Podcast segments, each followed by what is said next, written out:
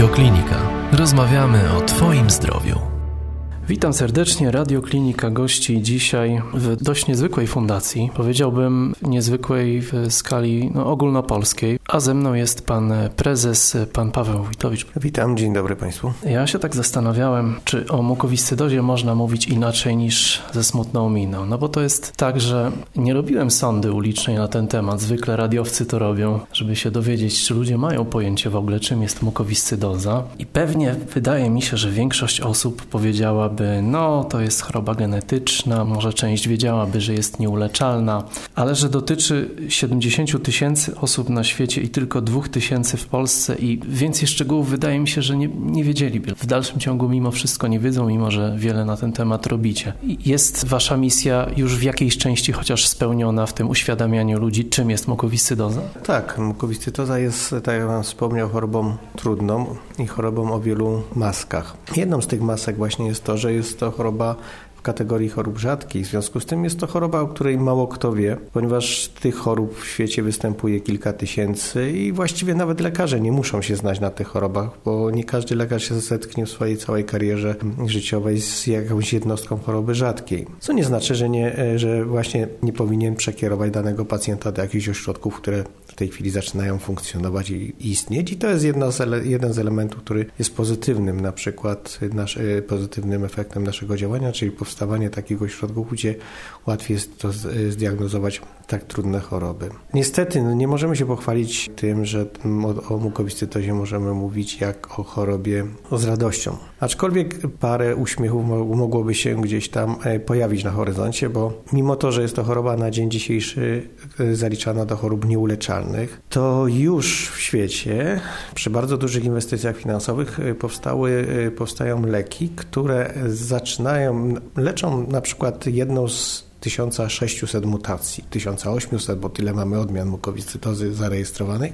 W Polsce dotyczy to około 4 pacjentów na przykład. Jest to lek, który leczy mukowiscytozę. Zatrzymuje e, rozwój choroby i można z tą chorobą żyć, tak jak z każdą inną chorobą, która nie jest chorobą śmiertelną. Niestety koszt e, takiego leku, no to jak w każdej właśnie chorobie rzadkiej, gdzie lek jest produkowany dla bardzo małej grupy osób, jest bardzo wysoki bo jest to rzędu y, mm, roczna dawka y, dla jednego pacjenta to jest około miliona złotych. Ale z drugiej strony, jak popatrzymy na to, to milion złotych w skali globalnej, 4 miliony na przykład dla, dla budżetu państwa, w skali globalnej po to, żeby uratować, na pewno uratować 4, 4 życia, bo nie jest to lek eksperymentalny, tylko lek potwierdzony i dopuszczony do obrotu w świecie i w Europie, no to chyba nie jest zbyt wygórowaną kwotą za cierpienie, jakie chorzy ponoszą. Nie mówiąc już o tym, że y, efektem ostatecznym elementem, jakimś takim y, składowym leczenia, to są przeszczepy,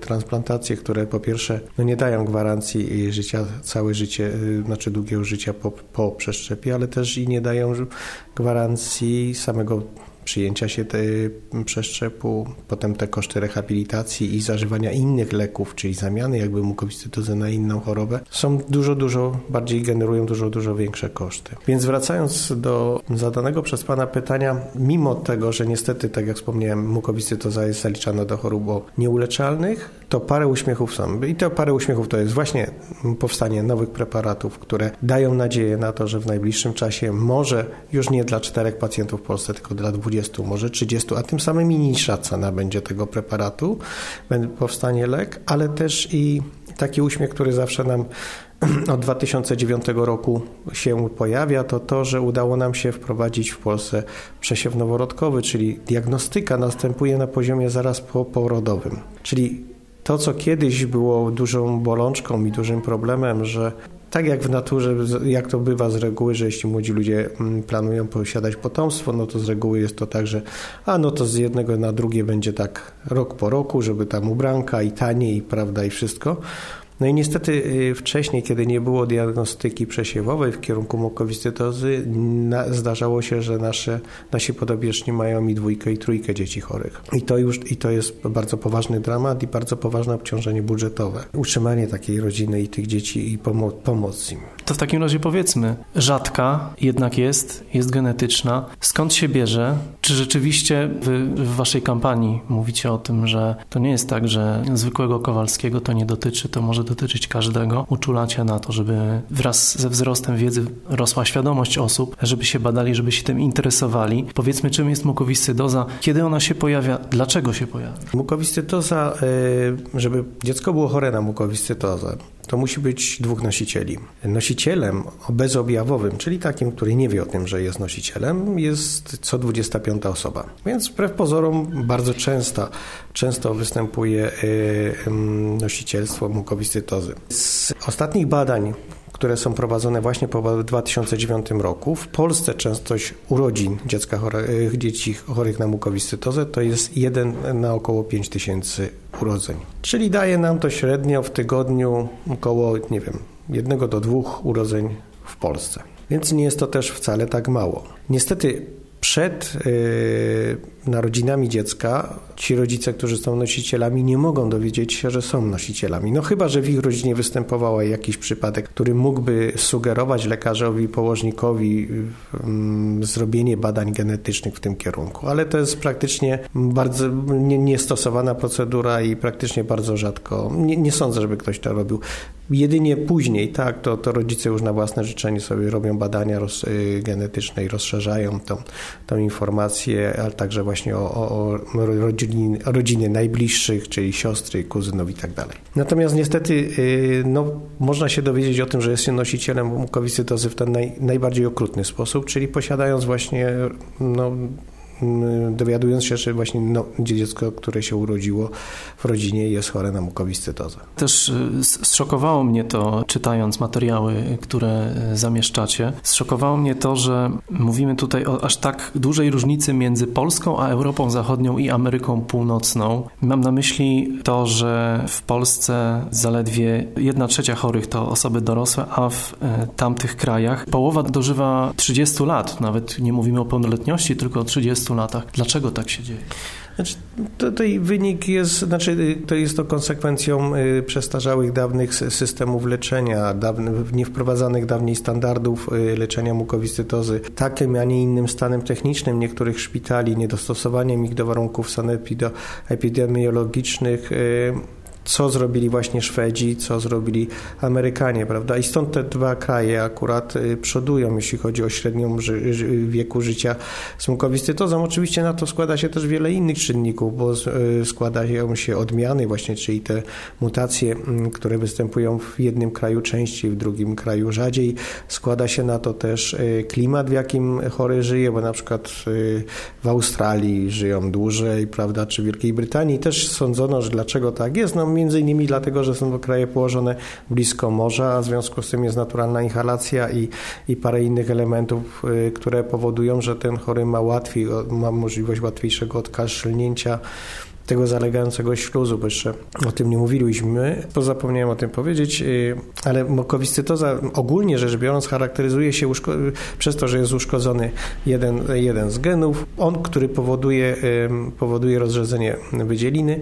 W związku z tym y, głównym y, takim objawem mukowiscytozy jest bardzo gęsty śluz. I ten śluz zatyka trzustkę oraz płuca. Jak z trzustką, czyli z układem trawiennym, jesteśmy w stanie sobie poradzić za pomocą różnego rodzaju preparatów wspomagających pracę czustki. Tak w płucach ten śluz jest na tyle gęsty i tak, tak nisko zalega, że trudno jest go stamtąd wyewakuować. I stąd jakby bardzo ważnym elementem jest ta wczesna diagnostyka, o której wspomniałem poprzesiewowa, bo wtedy, kiedy jeszcze nie ma zapalenia płuc, czyli nie ma nagromadzenia się bakterii na tym właśnie takiej pożywce jakby śluzowej w płucach, możemy y, y, już chorego wspomagać po to, żeby on ewakuował tą wydzielinę i nie mógł, żeby tam się nie tworzyła pożywka dla bakterii. Bo ta pożywka powoduje, że właśnie te częste nawracające y, mm, stany zapalne płuca, tym samym zmniejszenie ich wydolności i w konsekwencji właśnie zgonu, o którym tutaj mówiliśmy. Także powiedzmy, to jest główna, tak przebiega mukowiscytoza. Wracając jakby do, do elementu innych krajów, no to tak jak mówię, tutaj bardzo dużym e, czynnikiem w tym wszystkim było wy, wystandaryzowanie pewnych postępowań. Zroz, e, edukacja. Edukacja nie tylko społeczeństwa, ale edukacja lekarzy i edukacja pacjentów. Bo do niedawna jeszcze uważaliśmy, że no, pacjenci mogą się ze sobą stykać, mogą ze sobą rozmawiać, prawda, czy na oddziałach szpitalnych, czy na turnusach rehabilitacyjnych. to się zmieniło. Standardy światowe mówią wyraźnie. Nasi podopieczni niestety nie mogą się ze sobą y, stykać, ponieważ powoduje to nadkażenia krzyżowe i te nadkażenia są na tyle niebezpieczne, że y, w konsekwencji brakuje antybiotyku, którym można byłoby zabić tą bakterię, która no niestety potem doprowadza do tak poważnego zniszczenia w y, płucach. Dlatego też tego typu standardy, zrozumienie tego, że no coś, czego nie widać, bakteria, która gdzieś sobie krąży, prawda, i nikomu innemu nie szkodzi w domu, może spowodować tutaj bardzo poważne zniszczenia. Czyli reasumując, dobra jakość ośrodków, standardy postępowania z pacjentem oraz, y, oraz y, edukacja, edukacja. I, I to edukacja kierowana do lekarzy, pacjentów, ale też do środowiska, ponieważ Mukowiscytoza, jak wspomniałem wcześniej, jest chorobą o wielu, o wielu maskach i taką jedną z masek mukowiscytozy jest to, że ona jest na zewnątrz niewidzialna ponieważ y, mamy pewnego rodzaju wypracowane jakby schematy w, w, społeczeństwie. Jeśli mówimy o niepełnosprawności, w ogóle o niepełnosprawności, to gdzieś nam się tam kojarzy znaczek y, z y, inwalidy, prawda, z jeżdżącego na wózku, tudzież osoby z, nie, z dysfunkcją ruchu najczęściej. W mukowiscytozie to nie występuje. Jeśli mówimy o e, chorobach genetycznych, to też gdzieś e, w zaszłościach nam wpajano, że choroba genetyczna to musi być jakaś taka już e, deformacja, która jest widoczna na zewnątrz, czy jakieś takie zmiany, które no, widzimy je. W mukowiscytozie to nie występuje. Nasi podopieczni są ludźmi, których na zewnątrz nikt nie jest w stanie rozpoznać, że on jest chory, oprócz tego, że troszeczkę częściej pokaszluje. No ale chodzimy też, pokaszlujemy teraz po to, że nie spotykamy się z ludźmi, którzy kaszlą i nie jest to nic specjalnego. A jak w tamtych chorobach, innych, o których wspomniałem, niepełnosprawnościach e, czy z dysfunkcjami e, ruchowymi, czy też genetycznymi, te choroby nie, nie doprowadzają do śmierci, tak tutaj ta maska jakby troszeczkę zasłaniająca rzeczywisty problem w mukowiscytozie występuje, czyli u osób, które są normalne, uśmiechnięte, wesołe, niestety mają piętno, piętno e, no, mm, skróconego życia przez tę chorobę. Mam nadzieję, że nie oczywiście, bo tak jak wspomniałem na początku, liczymy na rozwój farmakologii i jest to rzeczywiście bardzo duży, kolosalny postęp w ostatnich latach. Proszę powiedzieć, na co się składają te 2-3 tysiące złotych, które trzeba przeznaczyć w miesiącu na leczenie tej osoby chorej? Jak wygląda to prowadzenie? Co ona musi takiego mieć? Tutaj powiem też z dużą satysfakcją, że akurat mukowiscytozie gro leków jest refundowanych. I nie możemy powiedzieć, że nie, bo byłoby to kłamstwem. Natomiast y, ilość zażywanych leków w mukowiscytozie jest tak duża, że y, globalnie rzecz biorąc, nawet jeśli policzymy refundację po 3,50, to dla kogoś, kto choruje dwa tygodnie, to jest to tylko 3,50, ewentualnie 7, ale jeśli tych leków trzeba zażyć X w miesiącu, to z tej kwoty robi się już kilka, kilkadziesiąt złotych, kilkaset czasami. Y, takim podstawowym elementem, na który nasi podobieczni wydają pieniądze i to jest uzależnione od wieku i wagi y, dziecka, to są odżywki. Niestety w Polsce y, odżywki są traktowane jak suplementy diety, czyli dokładnie tak samo jak te w hipermarkecie sprzedawane do, y, żeby sobie zabrać na siłownię. Czyli one są nierefundowane. A, y, I to jest udowodnione w wielu publikacjach naukowych, że dobrze odżywiony organizm jest organizmem, który ma mocną odporność. Mocna odporność równa się niedanie, niedanie się bakterii. Czyli reasumując, jeśli jesteśmy dobrze odżywieni, rzadziej chorujemy. Jeśli zaczyna się dół i jesteśmy, mamy osłabienie, to tak jak każdy normalny człowiek, a tutaj jest to spotęgowane po prostu, czy stres, czy inne rzeczy powodują osłabienie organizmu, odporności organizmu, a tym samym e, w konsekwencji zaostrzenie stanu e, płuc, czyli mówię, czytaj kolejne zapalenie płuc, kolejna infekcja, kolejne wydatki. Czyli odżywki, które, o których mówię, no to jest jedna, jedna, jedna odżywka kosztuje w granicach od 6 do 8 zł, w zależności od punktu, w którym się to kupuje. Y, średnio trzeba takich odżywek zażyć trzy, znaczy wypić trzy, to są takie małe, małe soczki, można tak delikatnie powiedzieć, nie chcę wymieniać nazw handlowych, ale chociaż one są OTC, więc nie ma tutaj żadnego problemu. No ale z tych y, 8, e, powiedzmy 20 zł dziennie, no jak sobie pomnożymy to razy 30, no to jest, jest 600, prawda? I to jest przy dobrym stanie pacjenta, czyli to jest e, przy stanie e, dziecka, które jest zdrowe, znaczy zdrowe, nie ma zaostrzeń chorobowych, o, tak bym to ujął. Czyli mamy odżywki, mamy leki refundowane, mamy preparaty, preparaty, które nie są refundowane, a powinny być zażywane, do, zwłaszcza u małych dzieci, mówimy tu o dzieciach w wieku szkolnym, do właśnie posiłków. Niestety na dzień dzisiejszy one nie są jeszcze refundowane, aczkolwiek prace są zaawansowane nad tym, aby ta refundacja była. No i to nam globalnie daje minimum te 800 do, do minimum 800 zł i w zależności od wagi i wieku pacjenta ten koszt się rozbudowuje. Do tego wszystkiego musimy wziąć pod uwagę jeszcze yy, sprzęt rehabilitacyjny, tak zwaną, ja to nazywam jakby protezę oddechową, ponieważ nasi podopieczni muszą codziennie mieć przynajmniej 3 do czterech inhalacji. To są sesje półgodzinne, w zależności od tego, jakim inhalatorem to jest podawane, z różnych preparatów, które właśnie powodują rozrzedzenie tej wydzieliny i wspomagają potem ewakuację. Ale ten sprzęt rehabilitacyjny w postaci inhalatora, który większość y, Polaków mam używa jak dziecko ma jakieś stany, ma jakieś stany zapalne i sobie y, no, potrzebuje mieć nawilżone powietrze, troszeczkę inhalacji, no to każda mama wie, jak to raz, że no dość głośno mm, daje znać w postaci dźwięku takiego warkotu. Do tego wszystkiego trzeba to podać, przypilnować dziecko, żeby jeszcze chciało oddychać przez to, a w mukowiscytozie się nie da odpocząć od tych zabiegów, one niestety muszą być robione codziennie. I tutaj nie ma świąt ani czerwonych dni w kalendarzu, jak ja to mówię i nawet y, no, jak gdybyśmy chcieli porównać, to czasami tak naprawdę to sami mamy, nie mamy ochoty czasami zębów umyć, czy, czy zrobić jakiegoś takiej codziennej higieny, którą, e, którą musimy mm, wykonywać na co dzień. Na chorzy muszą niestety przez te cały rok na okrągło, przynajmniej cztery razy dziennie tą inhalację wziąć. Dlaczego do, mówię to też do tego, że, że to też są koszty, ponieważ e, raz na rok jest refundowane e, z, z, z dwa nebulizatory i raz na, na 3 lata inhalator. Jak on by wystarczał w normalnej jednostce chorobowej, której od czasu do czasu się to używa nawet w astmie, prawda, czy gdzie są to czasowe napady, y, czy też w alergii, gdzie jest to też uzależnione od czynnika czasowego, tak w mukowiscytozie ten sprzęt chodzi na co dzień. I no, można to porównać do, do jakby wykonywanego zawodu. Ten sprzęt jest bezwzględnie potrzebny. W związku z tym się też zużywa, rozkalibrowuje, tym samym daje mniejsze efekty lecznicze.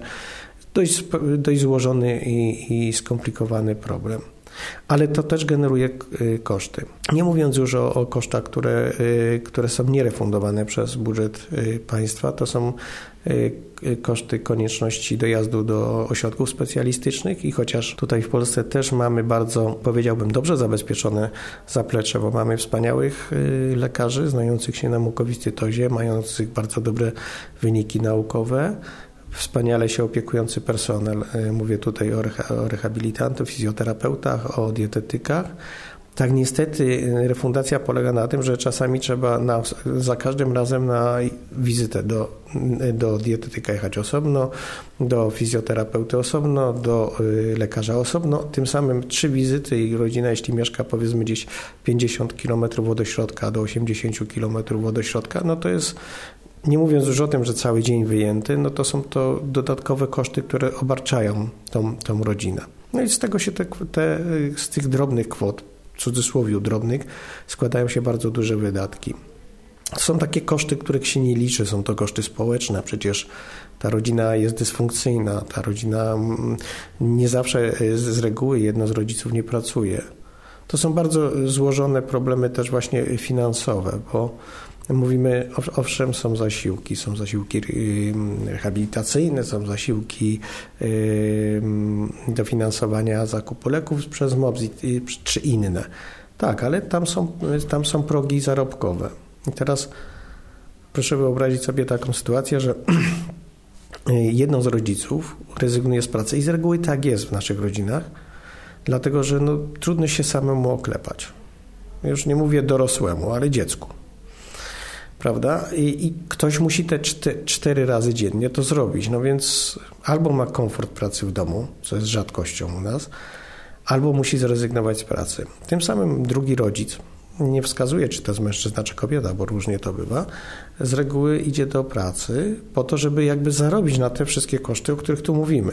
Żeby zarobić na nie, no wykazuje dochód. W związku z tym ma taki dochód, że już przekracza te limity, które, którymi obdarowuje w cudzysłowie nas e, e, odpowiednie instytucje nas tym obdarowują.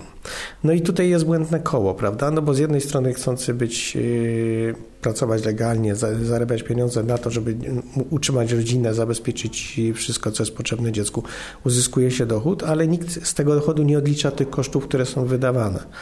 Więc jest to tak dość, e, że tak powiem, no zawsze gdzieś tam się do, dostanie. Ja byłem e, bardzo zdziwiony tymi relacjami, które obejrzałem na waszym kanale. Chodzi mi o filmy, które e, wyprodukowaliście z relacjami na przykład mamy opowiadającej o tym, jak to jest z dzieckiem z mukowiscydozą w szkole. ja byłem pewien, że nasze społeczeństwo już trochę bardziej jest dojrzałe, a jak no, usłyszałem o tych relacjach rodziców popadających w panikę, że jest dziecko chore, że one nie chcą tego dziecka. Nauczyciele nie mogą albo nie chcą sobie poradzić, może w ten sposób bardziej chyba nie chcą, bo może to też, też wynika z lęku i niewiedzy. Czyli ta przede wszystkim niewiedza, a może bardziej mocno bym powiedział ignorancja i ta niewiedza no, jest naprawdę z czym walczyć. Macie mnóstwo roboty.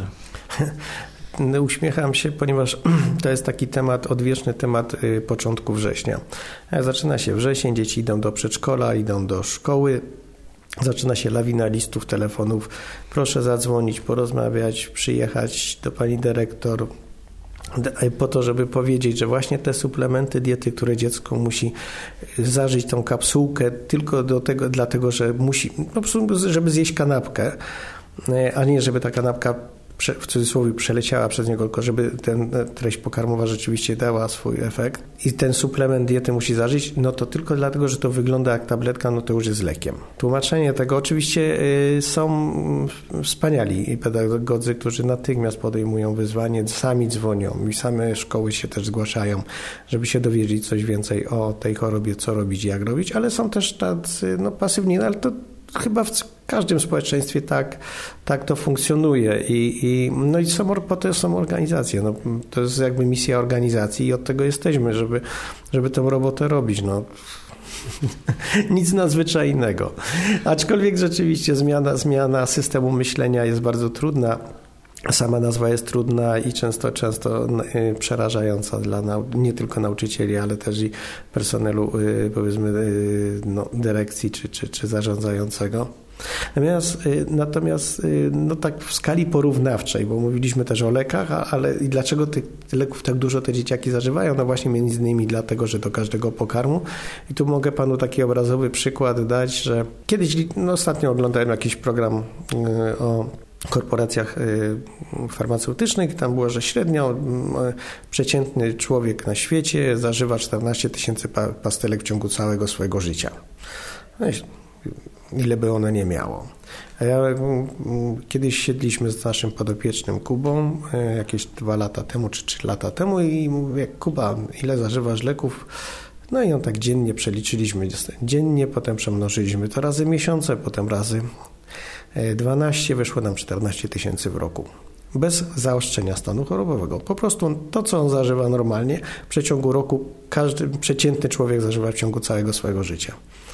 Więc to daje jakby obraz, skalę tego, jak dużo ten organizm musi przejść, przefiltrować, po to, żeby, żeby ten młody człowiek mógł normalnie funkcjonować. Ja oczywiście rozumiem tą taką pańską e, dyplomatyczną i taką spokojną reakcję. Od tego jesteście, do tego jesteście przyzwyczajeni. Ja nie jestem i e, osobiście nie widzę e, uzasadnienia dla tego, żeby reagować tak, jak te reakcje były opisywane u, państwa podopiecznych, czy, czy u rodziny państwa podopiecznych, bo nie widzę możliwości takiej, żeby człowiek, który gdzieś słyszy, że razem z jego dzieckiem jest jakieś dziecko z mukowiscydozą, nie mógł poświęcić pięciu minut na to, żeby przeczytać, co to to jest, ale widocznie może ja nie powinienem tutaj kontynuować tego tematu, tylko nasza rozmowa ma właśnie temu służyć, żeby ktokolwiek chce, żeby się zainteresował i dowiedział przede wszystkim, zanim podejmie jakieś decyzje, które mogą też wpłynąć na to dziecko, tak? bo to dziecko poprzez swoich rodziców wpływamy na swoje dziecko, my też to dziecko uczymy i potem w szkole się dzieją takie rzeczy, e, które się nie powinny dziać. Znaczy tak, oczywiście, tutaj z Panem się całkowicie zgadzam, bo tutaj mm, właśnie tutaj budowanie świadomości e, nie tylko wśród nauczycieli, bo nauczyciele są e, taką grupą osób, która jeśli styka się z problemem, to albo reaguje pozytywnie bez ingerencji, ani też innych osób trzecich zewnątrz organizacji, bo sami się dowiadują, dzwonią, reagują, ale też budowanie świadomości, jeśli chodzi o rodziców. Często gęsto ta jakby mm, pewnego rodzaju e, trudno powiedzieć, ale niezrozumienie może, tak bym to delikatnie nazwał, występuje najczęściej na poziomie rodziców innych dzieci. Ponieważ to skoro ktoś kaszle, to znowu wracamy do tej maski mukowiscytozy. No skoro kaszle, to zaraża. No nie, no nie zaraża. No więc cały problem polega na tym, że on kaszle, bo, bo ma tą wydzielinę, która cały czas gdzieś tam w płucach u niego jest i on musi ją od, odkasznąć, ale nasz podopieczny nie zaraża innego, innego swojego kolegi czy koleżanki, mimo to, że kaszle.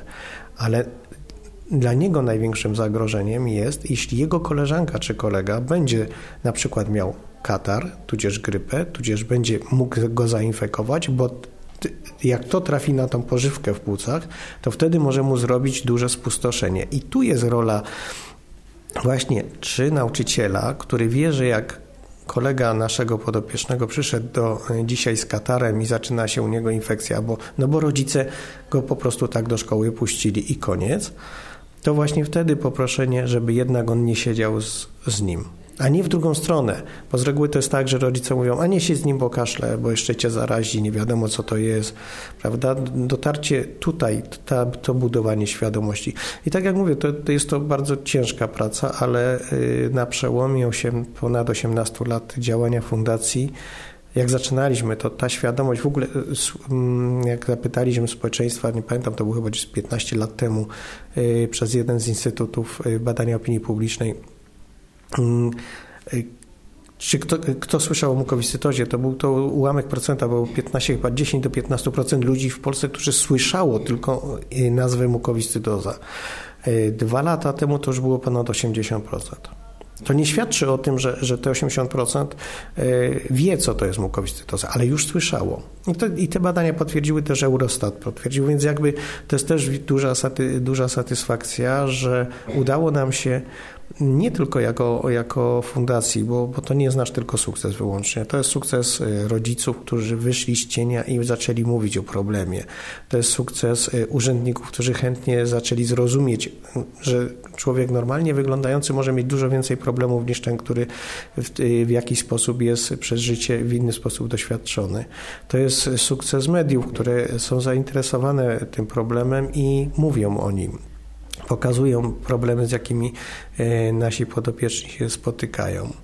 To jest bardzo e, świata medycznego. Naprawdę to jest e, kolosalna, kolosalna robota wielu, wielu, wielu, wielu, wielu ludzi i wielu, wielu organizacji. My może byliśmy tymi, którzy pierwsi mm, rozpoczęli taką kampanię, zaczęli pokazywać twarze osób chorych, mówić o ich problemach. No ale Rozpętało to bardzo pozytywny kołowrotek, który daje efekty i uważam, że to jest super, że teraz taki rodzic, y, który idzie do urzędu gminy i mówi moje dziecko ma mukowiscytozę, to urzędnik nie, nie patrzy się na dziecko i nie mówi aha, to jemu, nie i co, jemu to się nie należy, bo przecież on przyszedł z panią tylko wie, że jest to na tyle trudna i ciężka choroba, że y, rozpatruje powiedzmy prośbę tej rodziny w pierwszym w pierwszym e, rzędzie. Więc to są, to są mm, mówię, du, du, to jest bardzo duży, duży sukces i, i, i, wielu, wielu środowisk, za co jestem serdecznie wdzięczny i myślę nasi podopieczni też. Na koniec, Panie Pawle, to te gratulacje za te 18 lat rzeczywiście. Ja jestem pod wrażeniem, powiedziałbym, ogromu pomysłów, które mieliście i które macie, bo wasza działalność jest naprawdę bardzo szeroka poprzez kampanie, poprzez wydawnictwa, poprzez stronę, na którym jest forum, jest bardzo dużo tam postów, to jest bardzo popularne forum, takie będące centrum pomocy. Wy oczywiście działacie przez y, cały czas, cały czas jesteście pod y, telefonem, cały czas można się z wami skontaktować. Jeżeli ktoś miałby jakąś, jakąś wątpliwość, ktoś ma małe dziecko. Na koniec właśnie o tym chciałem, y, panie Pawle, powiedzieć, a właściwie zapytać pana, żeby pan o tym powiedział. Jesteśmy małżeństwem, spodziewamy się dziecka. Co powinniśmy zrobić, jeżeli już mamy jakiś alarm w głowie, niepokoimy się, czy też e, rzeczywiście te nasze niepokoje są uzasadnione, czy nie. Pierwsze kroki, gdzie, co powinniśmy zrobić. Jeśli chodzi o mukowiscytozę, to tak jak wspomniałem, no niestety nie mamy możliwości zbadania przed faktem narodzenia się dziecka, że jesteśmy nosicielami y. Ale y, tak, mimo to, że co 25 osoba jest nosicielem uszkodzonego genu, nie popadałbym w panikę i, i przede wszystkim, jeśli chcemy zastanowić się, myśleć o kontekście, czy nasze dziecko może miałoby kiedy mukowiscytozę, mm, aczkolwiek, tak jak mówię, jest to jedno na 5 tysięcy urodzeń, ale no niestety los y, jest czasami okrutny, to zastanowiłbym się, czy ktoś u nas w rodzinie nie miał problemów, które kiedyś nazywano e, problemami gruźliczymi, ktoś umarł na, wcześniej na płuca, te, tego typu rzeczy. Jeśli, jeśli coś takiego występowało, zawsze można, jeśli gdzieś to jest odnotowane w jakichś kartach, y, jasno jest sprecyzowane, że to była nie, na, na przykład nieznana jednostka chorobowa albo nierozpoznana mm, dokładnie, to możemy zawsze, zawsze zapytać genetyka i, i no niestety są to wtedy odpłatne badania, bo nie ma, nie ma tutaj podstaw do tego, żeby te badania były bezpłatne, ale porada genetyczna zawsze może być y, zrealizowana. Jest to na bardzo dużym dozie niestety prawdopodobieństwa, bo tak jak wspomniałem, 25 lat temu wynaleziono, znaczy y, odszukano gen, który odpowiada za mukowiscytozę i wydawało się, że wtedy już wiemy wszystko o tej chorobie, bo 99% chorób genetycznych jest takich, że jest tylko jeden, jedna odmiana tej choroby i koniec. Tak, tutaj mm, spotkaliśmy się z problemem, że do dnia dzisiejszego jest wynalezionych około 1800 mm, odmian. Żaden kraj na świecie nie robi wszystkich badań w kierunku wszystkich mutacji. Nie ma takiej możliwości. To niestety mm, będziemy bardzo dłużej, że tak powiem, dalej zawieszeni, w dużej próżni. Natomiast jeśli już, no to zastanowiłbym się, czy nikt u mnie w rodzinie najbliższej może y, córka szwagierki albo szwagra, y, czy tam y, ktoś z małych dzieci w rodzinie bardzo często choruje na zapalenia płuc.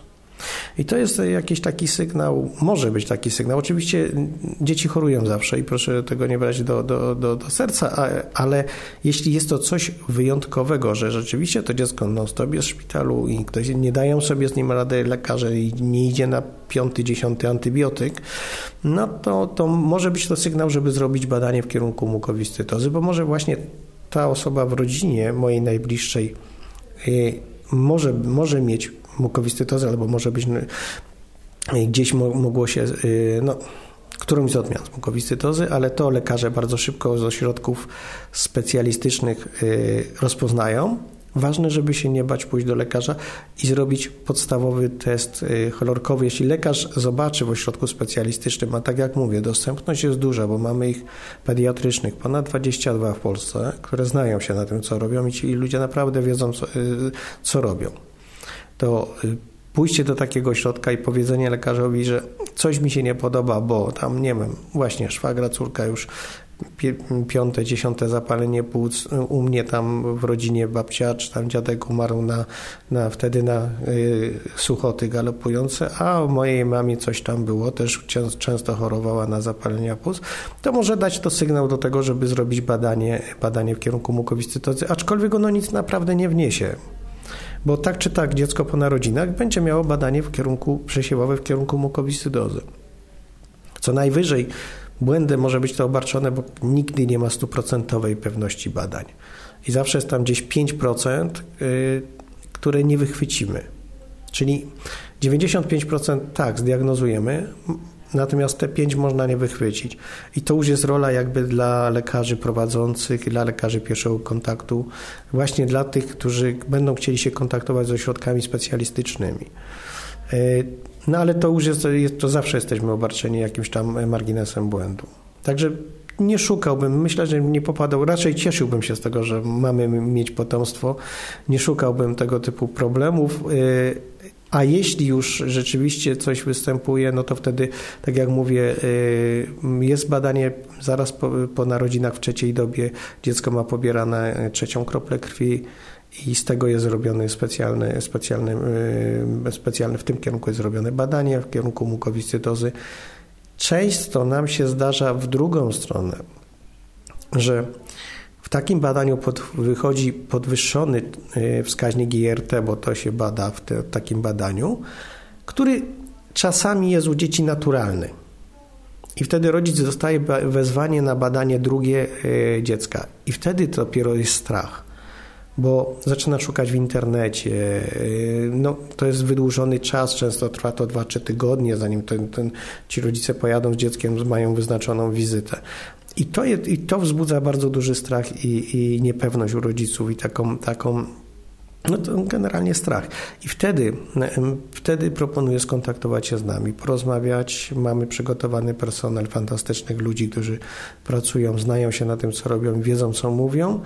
I wtedy przygotujemy tego rodzica nie do tej najgorszej wiadomości, bo z reguły są to, y, tak jak mówię, wykluczenia, ale do tego, żeby nie żył w tej niepewności, nie czytał, y, no, nie zawsze rozsądnych rzeczy w internecie, tak bym to powiedział. Bo, bo to jest ten najgorszy moment, kiedy mamy, jesteśmy przed wykluczeniem, bo wskaźnik był wysoki albo graniczny i lekarz woli zbadać takiego pacjenta, właśnie zrobić wywiad o rodzinie, o wszystkich najbliższych i podjąć dopiero wtedy decyzję. I wtedy proponuję jak najbardziej zwrócić się do nas, tak jak Pan wspomniał, zawsze odbieramy telefony, telefon zawsze funkcjonuje i Y, bez względu na to, czy to jest weekend, czy to nie jest weekend, a jeśli nie odbieramy, to odzwaniamy i staramy się pomóc takiej rodzinie. Bardzo często się to zdarzało i to, to jest rozsądne wtedy. To jest rozsądne skontaktowanie się z organizacją, która ma czas odpowiedzieć, poprowadzić, ma kontakt z lekarzami, więc też możemy przekierować do danego ośrodka, pomóc, powiedzieć, wyjaśnić. Wiedziałem, że skończymy z taką dawką optymizmu, z takim uśmiechem. Bardzo za to dziękuję. Bardzo dziękuję za poświęcony czas. Ja też serdecznie dziękuję Panu i Państwu. Więcej audycji na stronie radioklinika.pl